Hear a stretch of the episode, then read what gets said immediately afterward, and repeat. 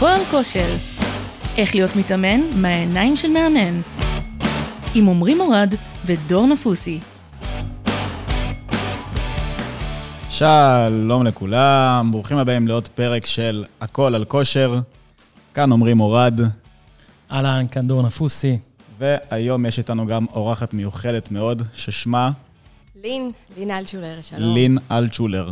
היום הולכת לנו פרק מיוחד, ולא סתם הבאנו לפה במיוחד את לין, שהולכת לדבר היום על כל מה שקשור לעולם הכושר, במיוחד מנקודת מבט על נשים. אה, ואנחנו נדבר ונרחיב כאן על כל מה שקשור לפיתוח גוף, לתזונה, למנטליות, אה, ואנחנו נזכיר שבסופו של דבר המטרה שלנו זה לדבר על כל העולם של הדבר הזה, אה, בשביל להראות לכם נקודות מבט שהן שונות וגישות שהן שונות, ולדבר הרבה מאוד דברים שבסופו של דבר יכולים לעזור לכם גם להתפתח בעולם הזה וגם פשוט ליהנות מזה הרבה יותר. אה, שלום, שלום. שלום עמרי, שלום, שלום. שלום לין. אה, אז בעצם אנחנו ככה נפתח את הפינה שלנו אה, עם קצת לשמוע עלייך. קודם כל, מה מביא אותך בכלל לעסוק בפיתוח גוף? מה מביא אותך לעסוק בכושר? למה בכלל בחרת להיות מאמנת? מה כל הדבר הזה בשבילך? ו... בוא נשמע כן. אותך. ספרי לנו על עצמך. אוקיי, קודם כל, שלום, שוב כולם, נעים מאוד. אמ, אני יכולה לספר הרבה, כמה אחורה אתם רוצים שאני אחזור? יש פה ככה סיפור אה, שמתחיל מהילדות. אני גדלתי בבית אה, רוסי, טיפוסי, ששלחו אותי להתעמלות אמנותית בגיל מאוד צעיר, והפכתי להיות ספורטאית בגיל 6-7, כבר התחרתי בתחרויות, הייתי נבחרת ישראל. וואי וואי. דיברנו על זה. וזה הבסיס בעצם. שם אני חושבת שההתאהבות הזאת היא החלה, אוקיי? זה עבר כמה אבולוציות וכמה תהפוכות בדרך, אבל uh, תמיד היה לי את הבסיס הזה מהבית, מהילדות, זה חלק מהחינוך שלי. ב- בסביבות גיל 16-17 כבר התחלתי קצת כזה לחפף, והיו לי דברים שקצת יותר עניינו אותי, חברים, עניינים והכול, אבל זה תמיד ישב לי איפשהו ב-back of my head כזה. כאילו, תמיד היה לי את הכושר הזה בראש. ואז די, די זנחתי את זה. אני יכולה להגיד שעד גיל 28-9 כזה, בכלל לא, לא כזה עניין אותי כושר. היה לי את ה, שוב את הבסיס בגוף, אבל לא התעסקתי בזה ביום-יום, זה לא עניין אותי. מה שקרה זה בעיקר אחרי הלידה שלי. נכנסתי להיריון, בהיריון שלי אני עליתי 30 קילו. וואו. זה המון, זה כמעט פי שתיים מהמשקל שלי, ופשוט לא, לא זיהיתי את עצמי. היה לי מאוד מאוד אה, מוזר להרגיש, לא להיראות אפילו כמו להרגיש. פתאום זה קשה לקום, פתאום זה קשה ללכת, פתאום, כאילו כל מיני דברים שהיה לי מאוד קל לעשות בתור בן אדם, פתאום התקשיתי לעשות אותם. אה, ומשם ההרגשה הזאת התחילה שוב לגרד בי, שאתה אוקיי, אני צריכה לחזור לעצמי, אני צריכה לחזור לעצמי. ובמקרה, אני לא יודעת איך זה קרה, שבועיים אחרי הלידה שלי, אני הגעתי לתחרות של פיתוח גוף כצופה. סתם באתי לראות איזה תחרות, בדיוק האיגוד הטבעי התחיל, זו הייתה התחרות הראשונה שלהם ב-2018, וישבתי בקהל ואמרתי לעצמי, טוב, נו, בסדר, יופי, כל הכבוד להם, ילדות בנות 18, או לא יודעת מה, ואז אחרי זה, מאחורי הקלעים, ירדתי למטה וראיתי במקרה אחת מהמתחרות עם הביקיני והכל, הולכת ופוגש אותה בעלה, ושלושה ילדים רצים אליה. ואמרתי לעצמי, רגע, מה? מה קורה פה? את רוצה להגיד לי שאת, מהדבר הקטן והחטוב הזה, יצאו ילדים? לא יכול להיות, אין מצב בחיים. ואז, ואז אמרתי לעצמי, אוקיי, בסדר, יש פה משהו, יכול מאוד להיות שיש פה, יש פה משהו שגם אני יכולה לעשות. ו, ושם זה התחיל, אשכרה. כן. וואלה, את זה לא ידעתי האמת, כן. אבל אה, מפתיע ממש לשמוע. אה, כשאת אומרת אה, עודף משקל וכזה אחרי לידה, את מגיעה ורואה פתאום נשים שמבחינתן אה, שאיפה לשלמות ואסתטיקה, שזה משהו שהוא כאילו... הוא לא נתפס בעיניי להגיע לרמה כזאת של אה, חיטוב. איך זה בכלל נוגע בך? איך פתאום את קולטת שזה משהו שאת רוצה לראות עלייך? התעסקת אגב באימון כבר בתקופה ההיא? התעסקתי ב... כן, גם היה לי את הבסיס של ההתעמלות שהייתי ילדה, כמו שאמרתי. גם עשיתי קורסים בווינגייט, הייתי מדריכה, למדתי גם אה, אה, להיות מאמנת כושר, יש לי את התעודות מבית ספר אה, למקצועות הספורט, וינגייט, כל מיני... יש לי את ההסמכות, אבל זה לא היה כתשוקה אצלי, לא אהבתי את זה. אז היה לי קל לעשות, כי היה לי את הבסיס, אוקיי? אז עשיתי את זה.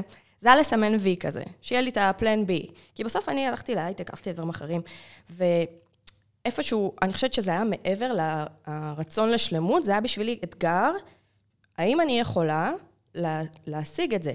האם אני יכולה להגיע לזה? ו, ותוך כדי הדרך הזאתי, למדתי שזה הרבה מעבר לרק להשיג את זה, ויש עולם ומלואו שגיליתי בתוך עצמי על היכולות שלי ועל הכוחות שיש לי, בשביל כאילו להשיג את זה, אבל בסוף לא, לא השגתי כלום, השגתי את זה שלמדתי איך להשיג דברים. מהמם. אה, ועכשיו ככה, באופן כללי, כל מה שקשור לפיתוח גוף, כל, הרי יש אה, מרחק שנות אור בין אה, התעמלות אומנותית, עבודה עם משקל גוף, וכל מה שקשור לקרקס ולאומנות ולפיתוח גוף. אמנם בסוף, בשני התחומים האלה אפשר להגיע ולעמוד על במה, ולעמוד מול צופים שככה בוחנים אותך, אבל זה כאילו שום דבר מהעולם תוכן פה לא, לא משתייך, אולי ברמת המשמעת, אולי ברמת התזונה, אבל מפה ועד זה שככה לקחת את עצמך לנישה כזאת, איך זה קורה בכלל? אז קודם כל, חד משמעית שיש משמעת בשניהם, וצריך משמעת בשניהם. אני חושבת שדווקא מכל סוגי הספורט, יחסית אולי דווקא התעמלות, בגלל שזה ספורט שהוא אה, מאוד ויזואלי, השיפוט שלו הוא גם ויזואלי, אמנם על יכולות, אבל עדיין יש גם פן אה, ויזואלי של איך, איך נראית המתעמלת, גם את זה שופטים. אז כן. וואלה, אוקיי, לא כן. לא ידעתי שיש שם... יש קצת פן ויזואלי, זה צריך כזה. להיראות טוב, לא רק צריך לבצע את זה, צריך לבצע את זה תוך כדי שזה נראה טוב. אז אני חושבת שאיפשהו שם כן יש איזושהי חפיפה. אה, ובסופו של דבר, בסוף גוף עם יכולות, גוף חזק, גוף שיכול לעמוד בעומסים כאלה, זה גם גוף שנראה טוב על במה. אז, אז כן יש איזושהי חפיפה, אבל ברור שזה עולם אחר לגמרי, האימונים שונים. בפיתוח גוף אתה מתאמן, ואתה מתאמן כל השנה, ואתה שומר על תזונה גם ברמות שהן אפילו יותר גבוהות מרמות של, של לפי דעתי, מתחרים אולימפיים בתחומי ספורט אחרים. הכל שם מדויק על הגרם. וכל זה אתה עושה באמת בשביל לעמוד על במה שיסתכלו עליך, רק בשביל לעמוד, כביכול אתה לא עושה כלום. הרבה סטיגמה מהעולם הזה, זה שכאילו זה כל כך רדוד, מה, הם, אנשים באים ורואים תחרות פיתוח גוף, הם רואים את הדקה האחרונה של כל התהליך שעברת במהלך שנה. רק את הדקה הזאת אומרים, מה, מה הוא כבר עושה? הוא כולו עומד, עושה קצת שרירים. אבל בוא, תראה איך הוא מתאמן, תראה מה הוא אוכל, תראה מה הוא עשה בשביל להגיע לגוף הזה, כדי שאתה תסתכל ותגיד, וואו, אוקיי, הוא נראה טוב. אנשים לא מודעים למה שעומד מאחורי הדבר הזה. מה, מה, מה דעתך בכלל? איך זה, איך זה בכלל פוגש אותך? לעמוד על במה עם אה, ביקיני קטנטן ולהציג את הגוף שלך ואת הנתונים הפיזיים שלך, וככה לתת לעיניים, שהרוב העיניים הם עיניים גבריות. אגב, אם כבר אנחנו נוגעים בזה רגע, איך זה מרגיש כאילו להיות שמה? כי את יודעת, גם אני וגם עמרי, אמנם עוסקים בפיתוח גוף, ולעמרי עדיין יש את החלום אה, להגיע ולהתחרות. אני בגיל 19 אה, איפשהו ויתרתי עליו אחרי איזושהי פציעה. והבנתי שאני פשוט לא, לא רוצה להיות חלק מהנישה והתחום הזה, אבל מעניין אותי לשמוע מה עובר בראש של אישה כשהיא עושה את זה, כי זה לא כמו ללכת לים ולהראות גוף טוב בביקיני בחוף הים. נכון, זה, זה המהות של, של הגוף. כאילו, אתה בעצם עולה ואתה אומר, תסתכלו עליי, ואת עולה, ואתה אומרת, תסתכלי, תסתכלו עליי, תסתכלו על הגוף שלי. אבל אני חושבת שמי שבאמת הרבה זמן בתחום, ומי שמכיר את העולם הזה טוב, זה כבר, אני אגיד את זה פשוט, זה כבר לא מיני. אוקיי? זה לא מושך ברמה הזאת, זה נראה יפה, אבל מי שבא ועכשיו שופט את הקריטריונים לפי הפרמטרים של הקטגוריה, הוא מסתכל על הצורה של הכתף, הוא מסתכל על היחס של המותן לישבן, הוא מסתכל על ההפרדה של ה glutes ל hamstring, הוא לא אומר, וואי, איזה שווה, איזה כוסית. כאילו, בסדר, יהיו את אלה בקהל, אבל אתה יודע מה, כשאתה יושב באולימפיאדה ואתה רואה אצניות אתלטיות שרצות עם טייץ וטופ, אתה גם אומר, אוקיי, זה יפה, זה גוף יפה, זה גוף נשי, זה גוף של ספורטאית שעבדה קשה. בסוף זה נראה טוב. השאלה, מה אתה שופט? האם אתה שופט רק את הנראות או גם את היכולת? אז פה אתה שופט את הנראות, שם אתה שופט את היכולת. מעניין. מעניין ממש לשמוע איך זה כאילו מרגיש מהעיניים שלך. אגב, לא חשבתי לרגע על המקום, על הממד הפיזי של משיכה ומיניות, להפך, דווקא חשבתי על זה, על מהמקום של אני אה, אישה, ויש כאן עכשיו 500 אה, אלף זוגות עיניים שצופים בי, ויש פה שורה של אה, שופטים שנותנים עליי ציונים, הם נותנים עליי ביקורת, ואני צריכה ללכת הביתה אחר כך ולעשות עם עצמי חושבים. איך זה משפיע בפן המנטלי באמת? אז אין ספק שצריך חוסן. סוג מסוים של אופי, של חוסן נפשי, בשביל באמת לעמוד בביקורות, וזה משהו שלפי דעתי טוב לכל תחום בחיים, לא רק לפיתוח גוף. בכל תחום בחיים יהיו את אלה שיגידו לך שאתה לא טוב, שאתה לא יודע מה אתה עושה, ואתה צריך לדעת או להקשיב להם או לא להקשיב להם, או ללמוד מזה, או לא לשים עליהם. אוקיי, אז גם אני עברתי ביקורות, וגם אני לא זכיתי בכל תחרות, ולא הצלחתי בכל דבר שעשיתי בחיים, אבל היום אני מחפשת את הקושי. אני רוצה שיגידו לי, אוקיי, זה לא מספיק טוב. לא רק שיגידו לי, אני רוצה להיכשל. אני רוצה שיהיה לי קשה, אני רוצה להרגיש שלא עשיתי מספיק טוב, כי זה השיעור שלי, משם אני אלמד מה אני רוצה לשפר, מה למדתי מזה, איך אני מתחזקת מזה, איך אני מתפתחת מזה, מה אני עושה יותר טוב פעם הבאה כדי שזה יהיה יותר טוב. זה הכי קל להיות טוב. אבל הביאוס הזה של השנייה הזאתי, לבוא ולהתגבר עליו ולהגיד, אוקיי, התבאסתי, הלאה, מה אני לומד מזה? זה לפי דעתי מה שהופך אותך לבן אדם יותר חזק בסוף. זה mindset של אה, מנצחים. אני, מה, אני מה שמתארת פה. אני לגמרי מסכים עם זה, ואני חושב שבכלל יש לה, הרבה מעבר ל mindset, יש פה אופי. ואני חושב שהאופי, היא דיברה עליו מקודם, לבית הרוסי, על המשמעת, על הקפדנות, על זה שהולכים לחוג מגיל מאוד מאוד צעיר, וזה משהו שחוזר בריטואל קבוע, ואני מתאר לעצמי שיש בבית גם ביקורת מהורים, אם זה טוב, אם זה לא טוב, אם הולכים, אם לא הולכים, זאת אומרת שאת רגילה כבר מגיל מאוד מאוד צעיר לשמוע קולות אה, של... משמעית. כן. חיצוניים. Uh, הבית שלי זה בית של הישגיות, זה בית של רדיפה למצוינות. לא תמיד זה אומנם הכי טוב בהתפתחות הרגשית של הבן אדם. את זה דברים שהייתי צריכה, ההורים שלי כן מדהימים, מושלמים, אני מתה עליהם. בהרבה מאוד דברים אני הייתי צריכה לפתח את עצמי כבן אדם, כי כן, הרדיפה הזאת אחרי הציון הכי טוב ואחרי ההישג הכי חזק זה טוב, אבל צריך גם לעבוד על השלמות הפנימית שלי, של גם כשזה לא מספיק טוב, עדיין להרגיש שאני אני בסדר, אני אהיה יותר טובה, אני אשתפר מזה. אם אנחנו עכשיו, רגע, שמים בצד את מה שקשור לתחרות ולפיתוח גוף, את הפן הבאמת מקצועי יותר, ואנחנו עוברים שנייה לדבר על, uh, בכללי, אימון כוח, אימון חדר כושר, במה שקשור לנשים. כי אנחנו יודעים שהיום בעולם הזה, לגברים הרבה יותר קל לעשות אימון כוח, כי הם יודעים שהם פשוט רוצים שרירים, הם רוצים לפתח את האזורים הספציפיים שמעניינים אותם, ונשים הרבה יותר מפחדות מזה, באופן טבעי. כן. אני כן חושב שבזמן האחרון, ב... ממה שלפחות אני חוויתי, בשנה, שנתיים האחרונות, יש יותר מודעות לנושא הזה, ונשים קצת פחות מפחדות והכול. אבל דבר ראשון, כשאת התחלת להתאמן אימוני כוח כמו שצריך, איך הרגשת, האם פחדת? ודבר שני, איך את רואה את זה היום? זה נושא שהוא מאוד מעניין, כי זה, אני חוויתי על בשרי את הנושא הזה, כי אני בתור ילדה מתעמלת, תמיד הייתי כזה אה, גדולה. היה לך כבר כאילו... היה לי מסת שריר, הייתי ילדה גדולה, הייתי כאילו חטובה, וכל הבית ספר, כל היסודי, יקום לי גבר. ושנאתי את זה, שנאתי את זה. היום אני, אני, לי בעיה, זה בשבילי מחמאה, אבל שנאתי את זה כל כך. וכשהתחלתי לחזור להתאמן אחרי הלידה, שרציתי באמת להגיע לגוף חטוב כמו שצריך, כבר הייתה לי הדרכה טובה, והיה לי מאמן, ועשיתי את זה בצורה מקצועית, והוא אמר לי, אין מה לעשות, את צריכה להרים משקלים כבדים, את צריכה לעשות אימוני כוח. ואמרתי, אבל אני לא רוצה לגדול. אמרתי, את רוצה להיות חטובה ולראות טוב? כן, את צריכה לעשות את זה. וזה היה מין מאבק פנימי תמידי שלי כזה של, טוב, מה אני אעשה את זה?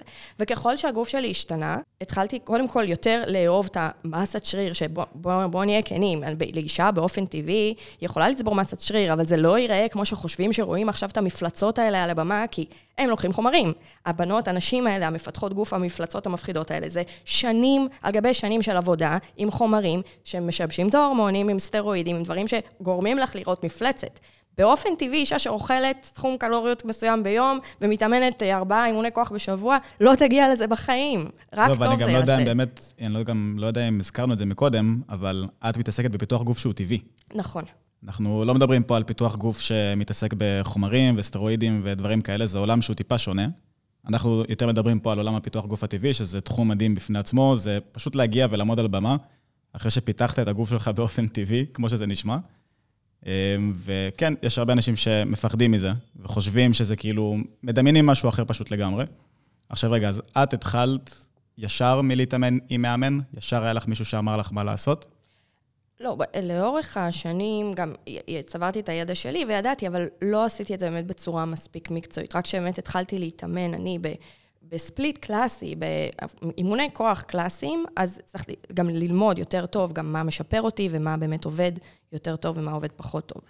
אז אה, גם אני עברתי את התהליך הזה עם עצמי, וכן, היה לי מאמן שהיה צמוד ועזר לי להגיע לתחרות הראשונה, ומשם כבר למדתי עוד ועברתי למאמן בחו"ל, וזאת אומרת, אני גם כל הזמן לומדת עוד ומתפתחת עוד. מהמם. אמ, רגע, אם אנחנו ככה כבר נגענו באימונים, תני לנו איזו הצצה קטנה לאיך נראה תוכנית אימונים של אה, לינן צ'ולר. וואו, זה מאוד תלוי בתקופה. אמ, בהכנה לתחרות, קודם כל, ברגיל, בוא נגיד, כשאני רוצה להכין את הגוף שלי לתחרות, אני רוצה להשתפר, בדרך כלל אני אוהבת נפח גבוה, נפח פסיכי, שזה אומר אה, לפחות 4-5 אימונים בשבוע, שזה אומר בערך 7-8 תרגילים, שזה חלוקה, לפי הקטגוריה שלי, החלוקה של הפרופורציות שאני שואפת אליהן, שזה יותר דגש ישבן, כתפיים, גב, אני לא כל כך עובדת אה, יד קדמית, יד אחורית, נגיד חזה, אני לא כל כך צריכה, דברים שהם כן חשובים למי שרוצה לשמור על כושר באופן כללי, אבל ספציפית לקטגוריה שלי, אני לא צריכה לפתח את השרירים האלה לנראות על הבמה. אז אני עובדת ב split שהוא תומך בפרמטרים של הקטגוריה שלי. זאת אומרת שמה שאת מתרגלת באופן אה, שגרתי, התוכנית אימונים שלך לקראת התחרות, בוא נגיד שאת לא, לא מחלקת את זה ל off season ול in season, זאת אומרת, אין אצלך שתי תקופות בשנה. זה שגרת אימונים קבועה, כשבא לך להחליט שאת אה, עושה עונה של אה, פיתוח גוף, את משנה בבת אחת את כל תמהיל האימונים שלך, ושמה דגש על ישבן, שמה דגש על הירך, שמה דגש על כתפיים והגב שלך, לא נכנסת לשום דבר מורכב אחר, ומבחינתך, אם את אה, מפעילה את שרירי הכתפיים, שרירי בית החזה והיד האחורית שלך מן הסתם יעבדו, וזה מבחינתך הווליום המספק בגלל הקטגוריה. לא כי יש איזושהי מחשבה נוספת מאחורי זה. אני עובדת כנטו לפי לתחרות. לא מעניין אותי, כשאני מתאמנת לתחרות, אני מתאמנת רק לתחרות. ההסתכלות שלי מאוד השתנתה לזה גם בשנה, שנתיים האחרונות. אז כן הייתי off season, הייתי יכולה להגיד כאילו, אה, מלא junk, אימון בשבוע, לא נורא, יהיה בסדר, אחרי זה אני אחזור לעצמי. ו- ו- ואז פתאום בתחרות, הופה, צריך לשנות הכל, ופתאום מ-0 ל-100 בשנייה, והגוף פחות אוהב את זה. הגוף שלנו אוהב שגרה. הגוף שלנו אוהב שהדברים צפויים וקבועים, והוא מגיב לזה הכי טוב. והיום אני ב mindset הרבה יותר רגוע, ואני כן מנסה לשמור על האיזון, גם כשאני לא רואה תחרות באופק, התחרות הקרובה שלי הולכת להיות עוד הרבה זמן, עוד כמעט שנה. ואני כבר נכנסת למשטר הזה, כדי שאני יודעת שמשם אני אוכל לעלות בהדרגה, לעלות בהדרגה, לעשות progressive overloading כמו שצריך, ולא לבוא עם הגוף כאילו ולהתיש אותו מ-0 ל-100, וזה מביא לפציעות, וזו ההתקדמות הרבה פחות אה, טובה. אז כן, השתנתי גם בפן הזה. אגב, אם אני שנייה מקשר את הדברים שדיברנו עליהם בוא נגיד לעולם הרגיל, לעולם של הבן אדם הפשוט, זה שלא מתחרה. גם בפיתוח גוף, מתמקדים באזורים שצריך הרבה פעמים. עכשיו, נשים שמתחילות להתאמן אימון כוח, מפחדות מלהתפתח באזורים מסוימים, אבל לפעמים שוכחות שהן יכולות להחליט על מה הן רוצות להתמקד. אישה שעכשיו הולכת לחדר כושר, גם אם היא לא הולכת להתחרות, אם היא עכשיו תתמקד יותר על הישבן שלה, אז הישבן שלה הרבה יותר יהיה מעוצב, לעומת, ה, סתם דוגמה, הכתפיים שלה. זה, זה משהו שהוא סופר חשוב, כי אני ודור, ובכללי אני בטוח שכל מאמן ש... מהיום הראשון שלו הוא שומע את הפחד הזה מנשים, שהוא מסביר להם על אימוני כוח, והן אומרות לו על כמה הן מפחדות וחוששות, ואנחנו חווים את זה פה על בסיס יומיומי, גם על מתאמני סטודיו וגם מתאמנים של אה, ליווי אונליין. וחשוב לזכור, אם אתם עכשיו מתחילים להתאמן, או אם אתם מתאמנים ומתאמנות, כמובן זה דגש פה טיפה יותר על נשים, שוב, כי זה, אנחנו יותר חווים את זה מהצד של הנשים. תזכרו שאתן יכולות להחליט על מה אתן רוצות להתמקד, וזה שעכשיו תלכו לחדר כושר ותרימו משקולות, זה לא אומר שאתן תפתחו שרירים באזורים שאתן לא רוצות. תזכרו את זה. מאה אחוז, אני מסכימה.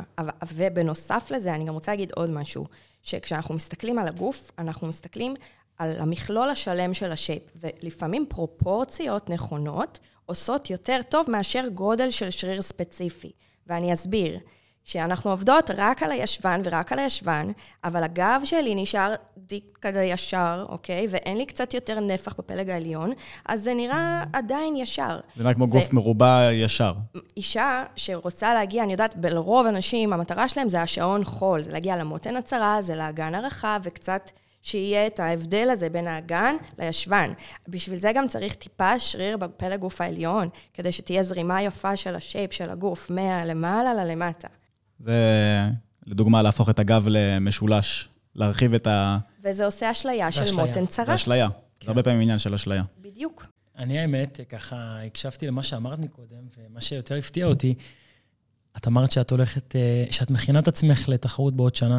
כשאני הצעתי כן. לך ארוחת צהריים, אמרת לי מקסימום קפה. בלי חלב עם סוכרזית. בלי חלב עם סוכרזית. ואנחנו שנה לפני התחרות. אתה קולט מה זה אומר. אני, זה, לא, זה לא נתפס בעיניי, ששנה קודם לכן, את כבר מבחינתך בתוך progress כזה שאין ימינה ושמאלה.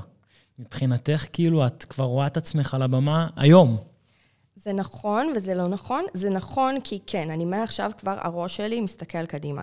אני אעשה הכל בשביל לצמצם את החריגות, ואני לא מושלמת, יש לי את ה guilty pleasure שלי לפעמים גם, ואני יכולה לחרוג, אבל כל עוד אני מרגישה שיש לי מספיק מומנטום, כאילו עכשיו אני בהתחלה, ועכשיו אני מרגישה שאני במקום שאני עדיין, קל לי מאוד לשמור על ה fix, על המאה אחוז, אני מעדיפה לא לסטות. במהלך הדרך יכול להיות שאני אוסיף cheat פעם בשבוע, יכול להיות שאני טיפה... אה, אוכל דברים שהם מחוץ לתפריט כי לא יסתדר לי, אבל המינימום, אני לא אעשה את זה בטח ובטח כשאני קובעת את זה מראש, כי לא בא לי. כאילו, זה לא חשק עכשיו שאני רוצה.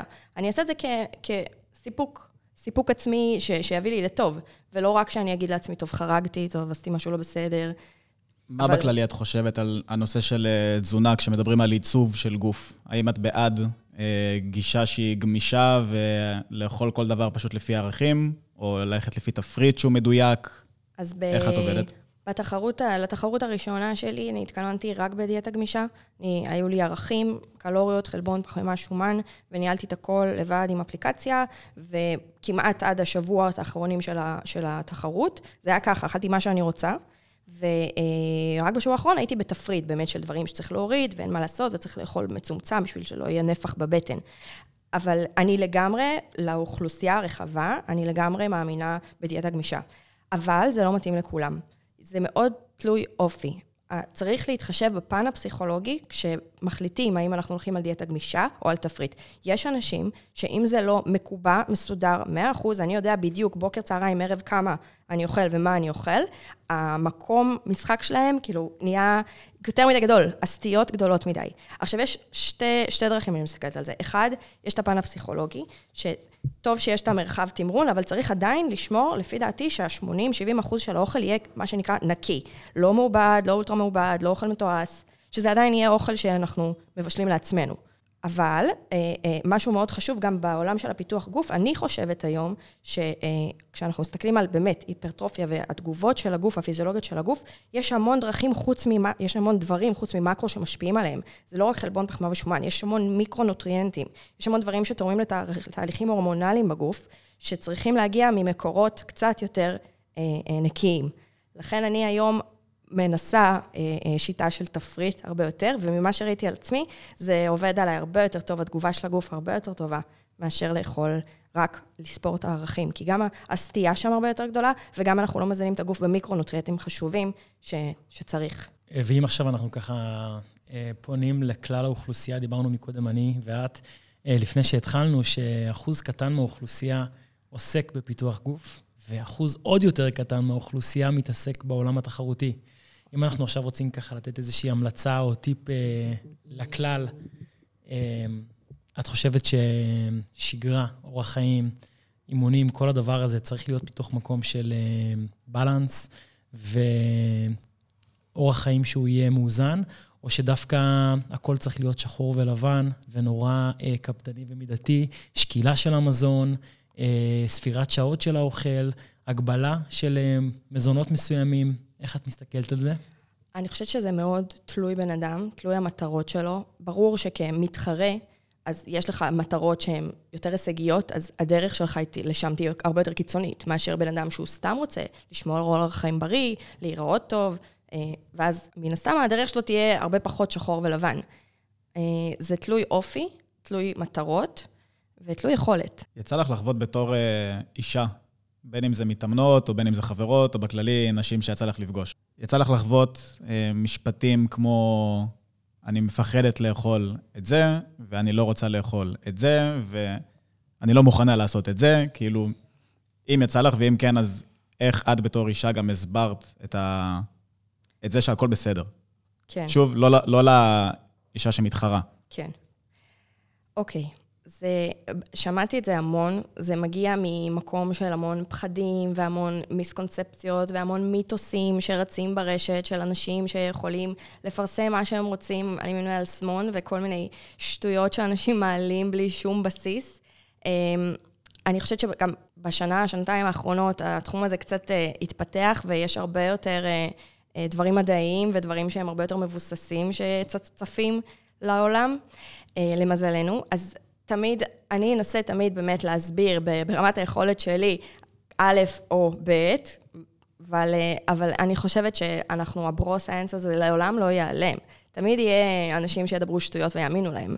אנחנו, המטרה שלנו זה פשוט אה, להיות אה, הצד השני, ולדבר לא שטויות ושיאמינו לנו. לאזן את זה. וככה, אם אנחנו כבר דיברנו על כל מה שקשור למחקרים, מבוסס מחקר, הייתה לנו גם פה איזו שיחה ככה לפני שהתחלנו. איך את רואה את זה בעיניים שלך? בואו נשמע רגע את זה שוב. אז אני, קודם כל, בבסיס שלי, כן, אני בן אדם ריאלי, אני מאמינה בעיקר במחקר, בדברים שהם מבוססים מדעית. מהתחום שלי ספציפי, אבל כשאני באה, בגלל, כמו שדיברנו, שזה תחום שהוא מאוד קטן, והוא נוגע לאחוז מאוד קטן של האוכלוסייה, הרבה מאוד דברים שהייתי רוצה לדעת והייתי רוצה לקבל תשובה, לא קיימים במחקר מספיק טוב. יש מחקרים, אבל לא מספיק טובים. והסיבה לזה, בגלל שזה נוגע לאחוז מאוד קטן של האוכלוסייה, אין שום אינטרס לתקצב את זה גבוה, ומחקרים עולים כסף, מחקרים טובים עולים כסף. אז דברים שאני הייתי רוצה שיבדקו אותם, לא תמיד המחקר ירוץ ויבדוק אותם בשביל השניים, שלושה אנשים שהולכים באמת אה, להשתמש בזה. חד משמעית. Uh, האמת שהייתי ככה רוצה דווקא להרחיב את זה רגע שנייה, לצאת מהנישה עצמה, להוציא רגע את uh, לין החוצה מהעולם של... Uh, פיתוח גוף, ולהפסיק רגע לדבר אליה כמתחרה וכספורטאית, ודווקא שנייה אחת אה, לשמוע ממנה איזה יסודות אצלה, איזה שרירים מנטליים היא מפתחת בעצמה, כדי שהיא תוכל להביא את עצמה יום אחרי יום לאותו, אה, לאותו, לאותה רמה, לשאוף כל הזמן לאיזושהי מטרה חדשה, מאיפה זה מגיע, מה דוחף אותך, בשביל מה את קמה בבוקר, איזה דברים בעצם מנחים אותך, מעניין אותי לשמוע. אני מתאר לעצמי שגם הילד, איפשהו שמה. כן, אני חושבת שב... בארבע שנים מאז שתום נולד, החיים שלי עברו תהפוכות ותהפוכות. זה התחיל מזה שבהחלטה נהייתי חד-הורית, ואז נהייתי חד-הורית לילד על הרצף האוטיסטי. בגיל שנתיים גיליתי שהוא מאובחן על הרצף, וזאת הייתה השנה שגם היה את הסגרים של הקורונה, וזאת הייתה שנה מאוד מאוד קריטית בחיים שלי, שבה נאלצתי בכוחות אחרונים לשאוף את עצמי ולהפוך את עצמי חזרה לבן אדם שעומד על שתי רגליים. וזה היה המפנה אצלי ב mindset ובמנטליות, ואני חושבת שמשם הדברים הלכו והשתפרו. משם הבנתי שאני יכולה להתמודד כנראה עם כל דבר. כל דבר שיבוא אליי, אני אוכל להתמודד איתו. אני גיליתי את הכוחות שלי מחדש בשנה הקשה הזאת. מדהים, מדהים. אז זאת אומרת שאם אני ככה לוקח אותך כאיזשהו אה, מודל ורוצה להלביש עלייך איזשהו קונספט של אה, מנטליות חזקה וכל מה שקשור ל mindset. יש לך איזה טיפ ככה שהיית יכולה לתת למי שככה מקשיב, מקשיבה לנו היום? כן, לא לפחד מהקושי. קושי, קושי זה החבר שלכם. לחבק אותו. לחבק את הקושי, לחבק את הכשל, להבין שאנחנו בני אדם ושאנחנו לא מושלמים, וחלק מהדרך שאנחנו עוברים בשביל להתפתח ולהתקדם, זה לא להיות טובים, לא, לא להצליח, זה להיכשל, זה להיות בינוני מינוס, זה לא לפרגן לעצמנו, ולבוא ולעצור שם ולהגיד, אוקיי, מה אני לוקח מזה קדימה בשביל להשתפר, בשביל להתחזק, בשביל להתפתח. זה, לפי דעתי, הדבר העיקרי. את חושבת שבאותה מידה ואת גם יודעת להעריך את עצמך? כן. וגם, וגם לפרגן לעצמך באותה מידה? כן, אני, אני חושבת ש... לא מספיק, אבל משם גם בא כל הזמן הרצון שלי להתפתח. אני, אני שלמה עם עצמי, כן? אז אני לא עושה את זה תמיד במקום של וואי, אני שונא את הגוף שלי, אני רוצה להיות יותר גדולה, אני רוצה... זה לא משם. זה במקום של וואו, תראו מה כבר השגתי, מה עוד אני יכולה להשיג. זה בא מהמקום הזה. יפה. אה, ואם כבר ככה נגענו בזה, אז אה, כל מה שקשור לדימוי עצמי וכל מה שקשור להפרעות אכילה, כן. ובכלל... אי אפשר לדבר על פיתוח גוף ולא לדבר על הפרעות אכילה. בגלל זה אני אומר, בואי שנייה רגע, בסוף המטרה שלי ושל עמרי, בכל מה שאנחנו עושים בחיים שלנו, זה באמת לעזור לאנשים. אנחנו, מבחינתנו, אם יקשיבו אה, לשיחה שלנו, לפאנל הזה, אה, קומץ אנשים שייקח מפה משהו אחד, הייתי רוצה באמת אה, שזה יהיה ככה מהעולם הזה של דימוי עצמי. אמ, אני מבין היום שאני יכול להגיע לחדר כושר, ואני אראה סביבי אה, גברים מפותחים, אני יכול להסתכל, להגיד, וואו, הייתי רוצה להיראות כמותם. מצד שני, אני גם יכול להסתכל במראה ולהגיד, וואו, אני לגמרי אוהב את מה שאני רואה, ותמיד יהיה איזה מקום שאנחנו נחפש איך לדייק את עצמנו, איך לשנות מפה, איך להסב קצת את האחוז שומן שלנו. איזה טיפ היית נותנת למתאמנת, שככה נכנסת לעולם הזה עכשיו, ככה בתחילת דרכה, והיא מגיעה מתוך מקום של חוסר שלמות, מתוך מקום של דימוי עצמי נמוך, אם זה אנורקסיה, אם זה הפרעת אכילה, אם זה בולמיה, אולי אפילו אה, השמנה. איזה עודף משקל קיצוני, היא שומעת אותך עכשיו, אומרת, אני מתה לאבד 30 קילו, בדיוק כמו לין. החלום שלי זה לעמוד על במה ולהציג את הגוף שלי, מה היית מציעה לה לעשות? חושבת שזה מסוג הדברים שזה קל להגיד וקשה ליישם. אמ, אני חושבת שאנחנו, בני אדם זה יצור חברתי, ובסוף אנחנו חיים מסביבנו אנשים, ואנחנו תמיד נרצה להשוות את עצמנו. אנחנו חיים ככה, אנחנו מסתכלים הצידה, ואנחנו, איפה אני, בהקשר של איפה הוא. זה ככה אנחנו חיים כיצור חברתי. אמ, אני לא חושבת שאפשר להיפטר מזה, אני חושבת שאפשר לקחת את זה למקום יותר טוב. אני חושבת שבמקום להגיד, אוף, למה היא ככה ואני ככה? אפשר להגיד, אוקיי, היא ככה, אולי גם אני יכולה להיות ככה, ולקחת את זה למקום של השראה, וללמוד מהבן אדם הזה, ואולי אפילו לקחת אותו כאיזושהי דמות, אה, לנסות לשאוף לזה. אה, אני חושבת שבסוף קל להגיד, וזה אין מה לעשות, זה הכי מתבקש וזה הכי סטיגמטי, אבל תאהבי את עצמך כמו שאת. זה כל כך קל להגיד, אבל זה מגיע ממקומות כאלה עמוקים, שאפשר גם לזייף את זה בקלות. אמ, צריך באמת באמת להבין שאנחנו, השליטה בידיים שלנו. וכל דבר שאנחנו רוצים לשנות, אנחנו יכולים לשנות. ואז אני גם לא חייבת לאהוב בדיוק את מה שאני צריכה, את מה שאני כרגע. אני יכולה, מספיק שאני יודעת שאני יכולה לגרום לעצמי להיות א' לב', אני אוהב את הדרך שאני עושה את זה בה. תשובה מהממת. יפה מאוד. אה, טוב, אז בואו ככה נסכם את מה שקורה פה. איך, איך אתה רואה את הדברים מהעולם שלך?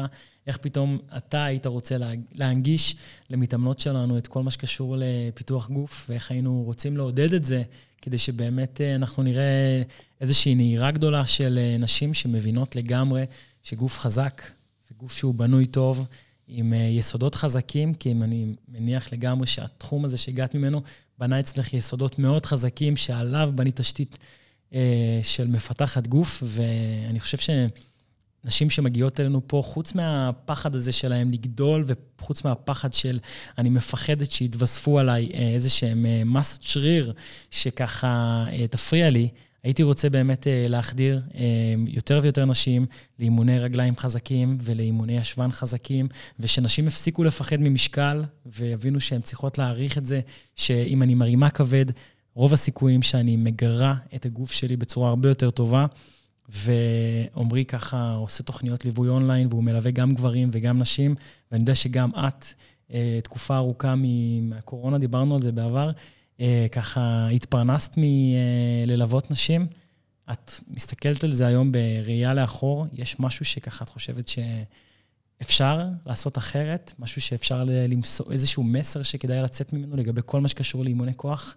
לנשים ספציפית, אנחנו כרגע מדברים פה על נשים. כן, אני חושבת שלמזלי, זה, התחום הזה הולך ומשתפר. ההסתכלות הזאת של נשים על אימוני כוח היא במגמת עלייה לאחרונה, ואנחנו מתחילות להבין ש... לא בשנייה שאני ארים דמבל מהרצפה, יהיה לי בייספס של מפתחת גוף. זה לוקח זמן, אבל מה שקורה בשלב הזה, מ-0 ל-100 שאני לא רוצה להגיע אליו, אני יכול להגיע ל-50 שאני כן רוצה להיות בו, שזה בדיוק הגוף מטרה של כביכול שלי. זאת אומרת, כן לשים יעדים, כן לקבוע איזה שהן מטרות, כן לשאוף לאיזה משהו שהוא לא הגיוני, ואולי בדרך אני אפגע ב-50 אחוז, שזה לגמרי יפגע במטרה שהיא מתאימה לי. נכון, גם המקום הזה, וגם להגיד, אוקיי, הרבה נשים הרי מפחדות להרים משקולות, כי הן מפחדות להתנפח, אוקיי? זה לוקח זמן עד שמתנפחים. ובתקופת זמן הזאת, שאת מתחילה קצת להתנפח, את תגיעי לגוף שאת רוצה להגיע אליו. אם תמשיכי עוד, יכול להיות שכבר תתחילי קצת להתנפח, אבל זה ייקח שנים. שנים. מפתחי גוף כמוני, אני כבר עושה את זה כמעט ארבע שנים, ועוד לא אה, התנפחתי ברמה שאני כאילו אומרת לעצמי, וואו, אוקיי? אבל זה לוקח זמן, אוקיי? לא בחודש, לא בחודשיים, גם לא בשנה וגם לא בשנתיים, בלי חומרים. אני רוצה רגע לסכם את זה אה, ולתת אה, איזושהי נקודה אחרונה. הדבר העיקרי, יש פה המון המון דברים, אבל הדבר העיקרי שלקחתי מפה מהשיחה איתך, זה על הרעיון של להתמסר.